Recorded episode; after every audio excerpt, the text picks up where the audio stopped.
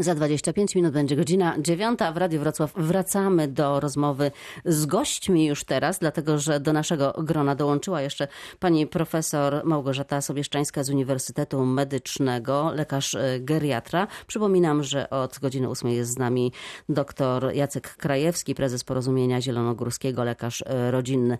Pani doktor, pani profesor, od tego, e, od pani teraz zacznę. Osoby starsze, one są najbardziej narażone na zachorowanie, może nawet nie na zachorowanie, tylko na ciężki przebieg e, tej choroby koronawirusa. Dlaczego tak się dzieje właśnie? E, tak, faktycznie osoby starsze, nawet z punktu widzenia mm, samego fizjologicznego procesu starzenia się, mają po prostu zmniejszoną odporność. Sam układ odpornościowy już nie funkcjonuje tak dobrze jak we wcześniejszych latach.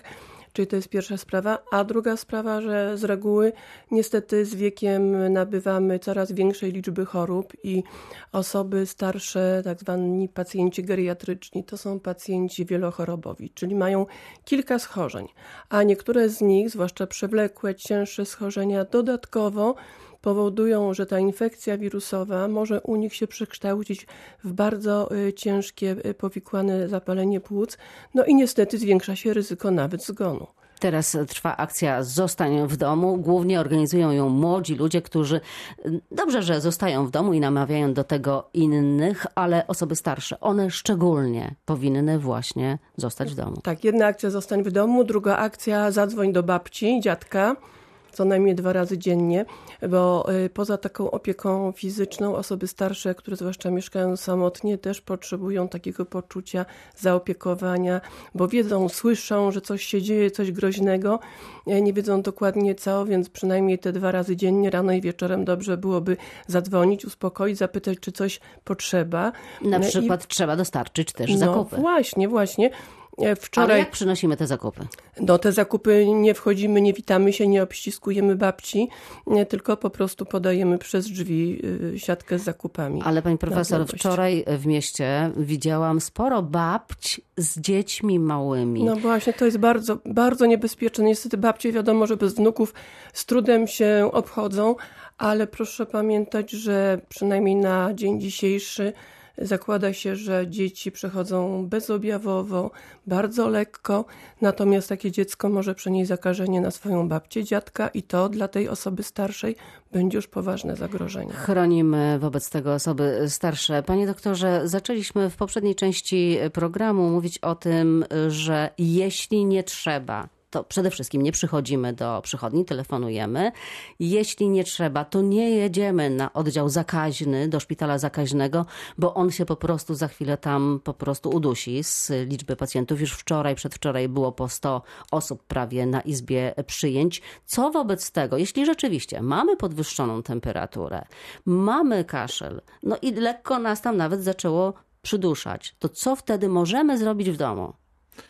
No, przede wszystkim y, musimy zadbać o to, żeby y, dostarczyć organizmowi odpowiednią liczbę płynów. Czyli musimy dużo pić. Tak jak przy zwykłej, zwykłym przeziębieniu. Tak jak przy zwykłym przeziębieniu. Jeżeli mamy środki przeciwgorączkowe, a te środki są y, dostępne także bez recepty i można je dostać nie tylko w aptece, ale także w, w kioskach czy, czy w sklepach, to jeżeli jest gorączka, to te środki zażywamy, ale pamiętajmy, że gorączka to jest także oczyn obronny. Że nie zawsze walczymy z gorączką, tylko dlatego, że jest, ale walczymy wtedy, kiedy ona jest zbyt wysoka. Czyli jeżeli mamy gorączkę tak do 38 stopni, a nasze samopoczucie jest dobre, to niekoniecznie ją zbijamy. Oczywiście jest tak, że niektórzy mają 37,2 i już czują się tak, jakby ich po nich czołg przejechał. To jest oczywiste. I wtedy oczywiście takie środki trzeba wziąć. Ale to naprawdę Dużo zależy od rozsądku samego pacjenta. Sporo osób e, zaczęło, no tak jak robić zakupy na zapas, to także zaczęło robić e, zakupy leków e, na zapas. Co warto mieć, a z czym nie przesadzać? Na pewno warto mieć leki przeciwzapalne, takie jak kwas acetylosacilowy, czyli popularna polopiryna czy aspiryna. Warto jest mieć, oczywiście jeżeli nie ma schorzeń układu pokarmowego, bo one także mogą mieć swoje objawy uboczne. Warto jest mieć leki przeciwgorączkowe, takie jak paracetamol, w różnych jego odmianach, bo tych preparatów jest bardzo wiele. To można otrzymać taką informację właśnie w aptece, jakie, jakie środki są przeciwgorączkowe. Można mieć leki, które które działają na kaszel właśnie, czyli osłabiają kaszel, leki przeciwkaszlowe. E, takie e, leki, jeżeli mamy w domu, to one mogą się przydać. Natomiast najważniejsza sprawa to unikanie kontaktów z innymi, bo nigdy nie wiemy, czy ktoś nie jest akurat w trakcie wylęgania się infekcji, czy nie jest na przykład zakaźny dla nas. I zapewnienie e, sobie e, e, takiego komfortu polegającego na tym, żeby jak najrzadziej wchodzić w, w grupy ludzi, czyli w duże zbiorowiska ludzkie, czyli zapobieganie przede wszystkim.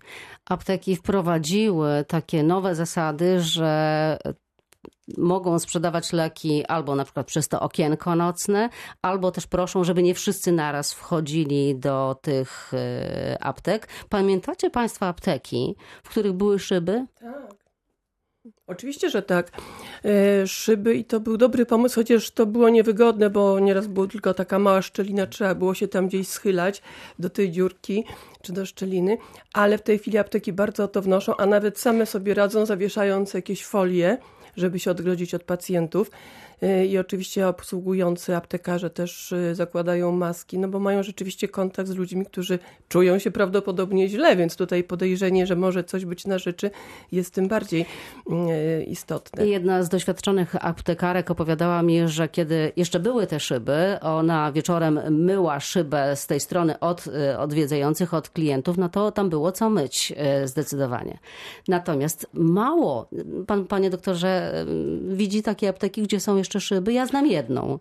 Na ulicy Trauguta we Wrocławiu. We Wrocławiu być może, ale ja y, pracuję w mniejszym mieście. Y, y, ja generalnie pracuję na wsi, ale w mniejszych miastach, gdzie mieszkam, tych aptek jest jeszcze troszeczkę. Jeszcze były dyżury nocne, pamiętamy kiedyś aptek i tam właśnie przez te okienka wydawano leki. I to bardzo dobrze się sprawdza w sytuacji, kiedy mamy ograniczenie kontaktu i tą odległość trzeba zachowywać. Przypominamy jeszcze raz, odległość między pacjentem, który może być zarażony, a drugim pacjentem powinna być nie mniejsza niż metr, a e, jeżeli... To odległość się zwiększa teraz. Tak, e. zwiększa się, ponieważ jeżeli przebywamy powyżej 15 minut, e, w, wtedy kiedy pacjent jest od nas 2 metry oddalony, to także jesteśmy narażeni na to, że się zarazimy.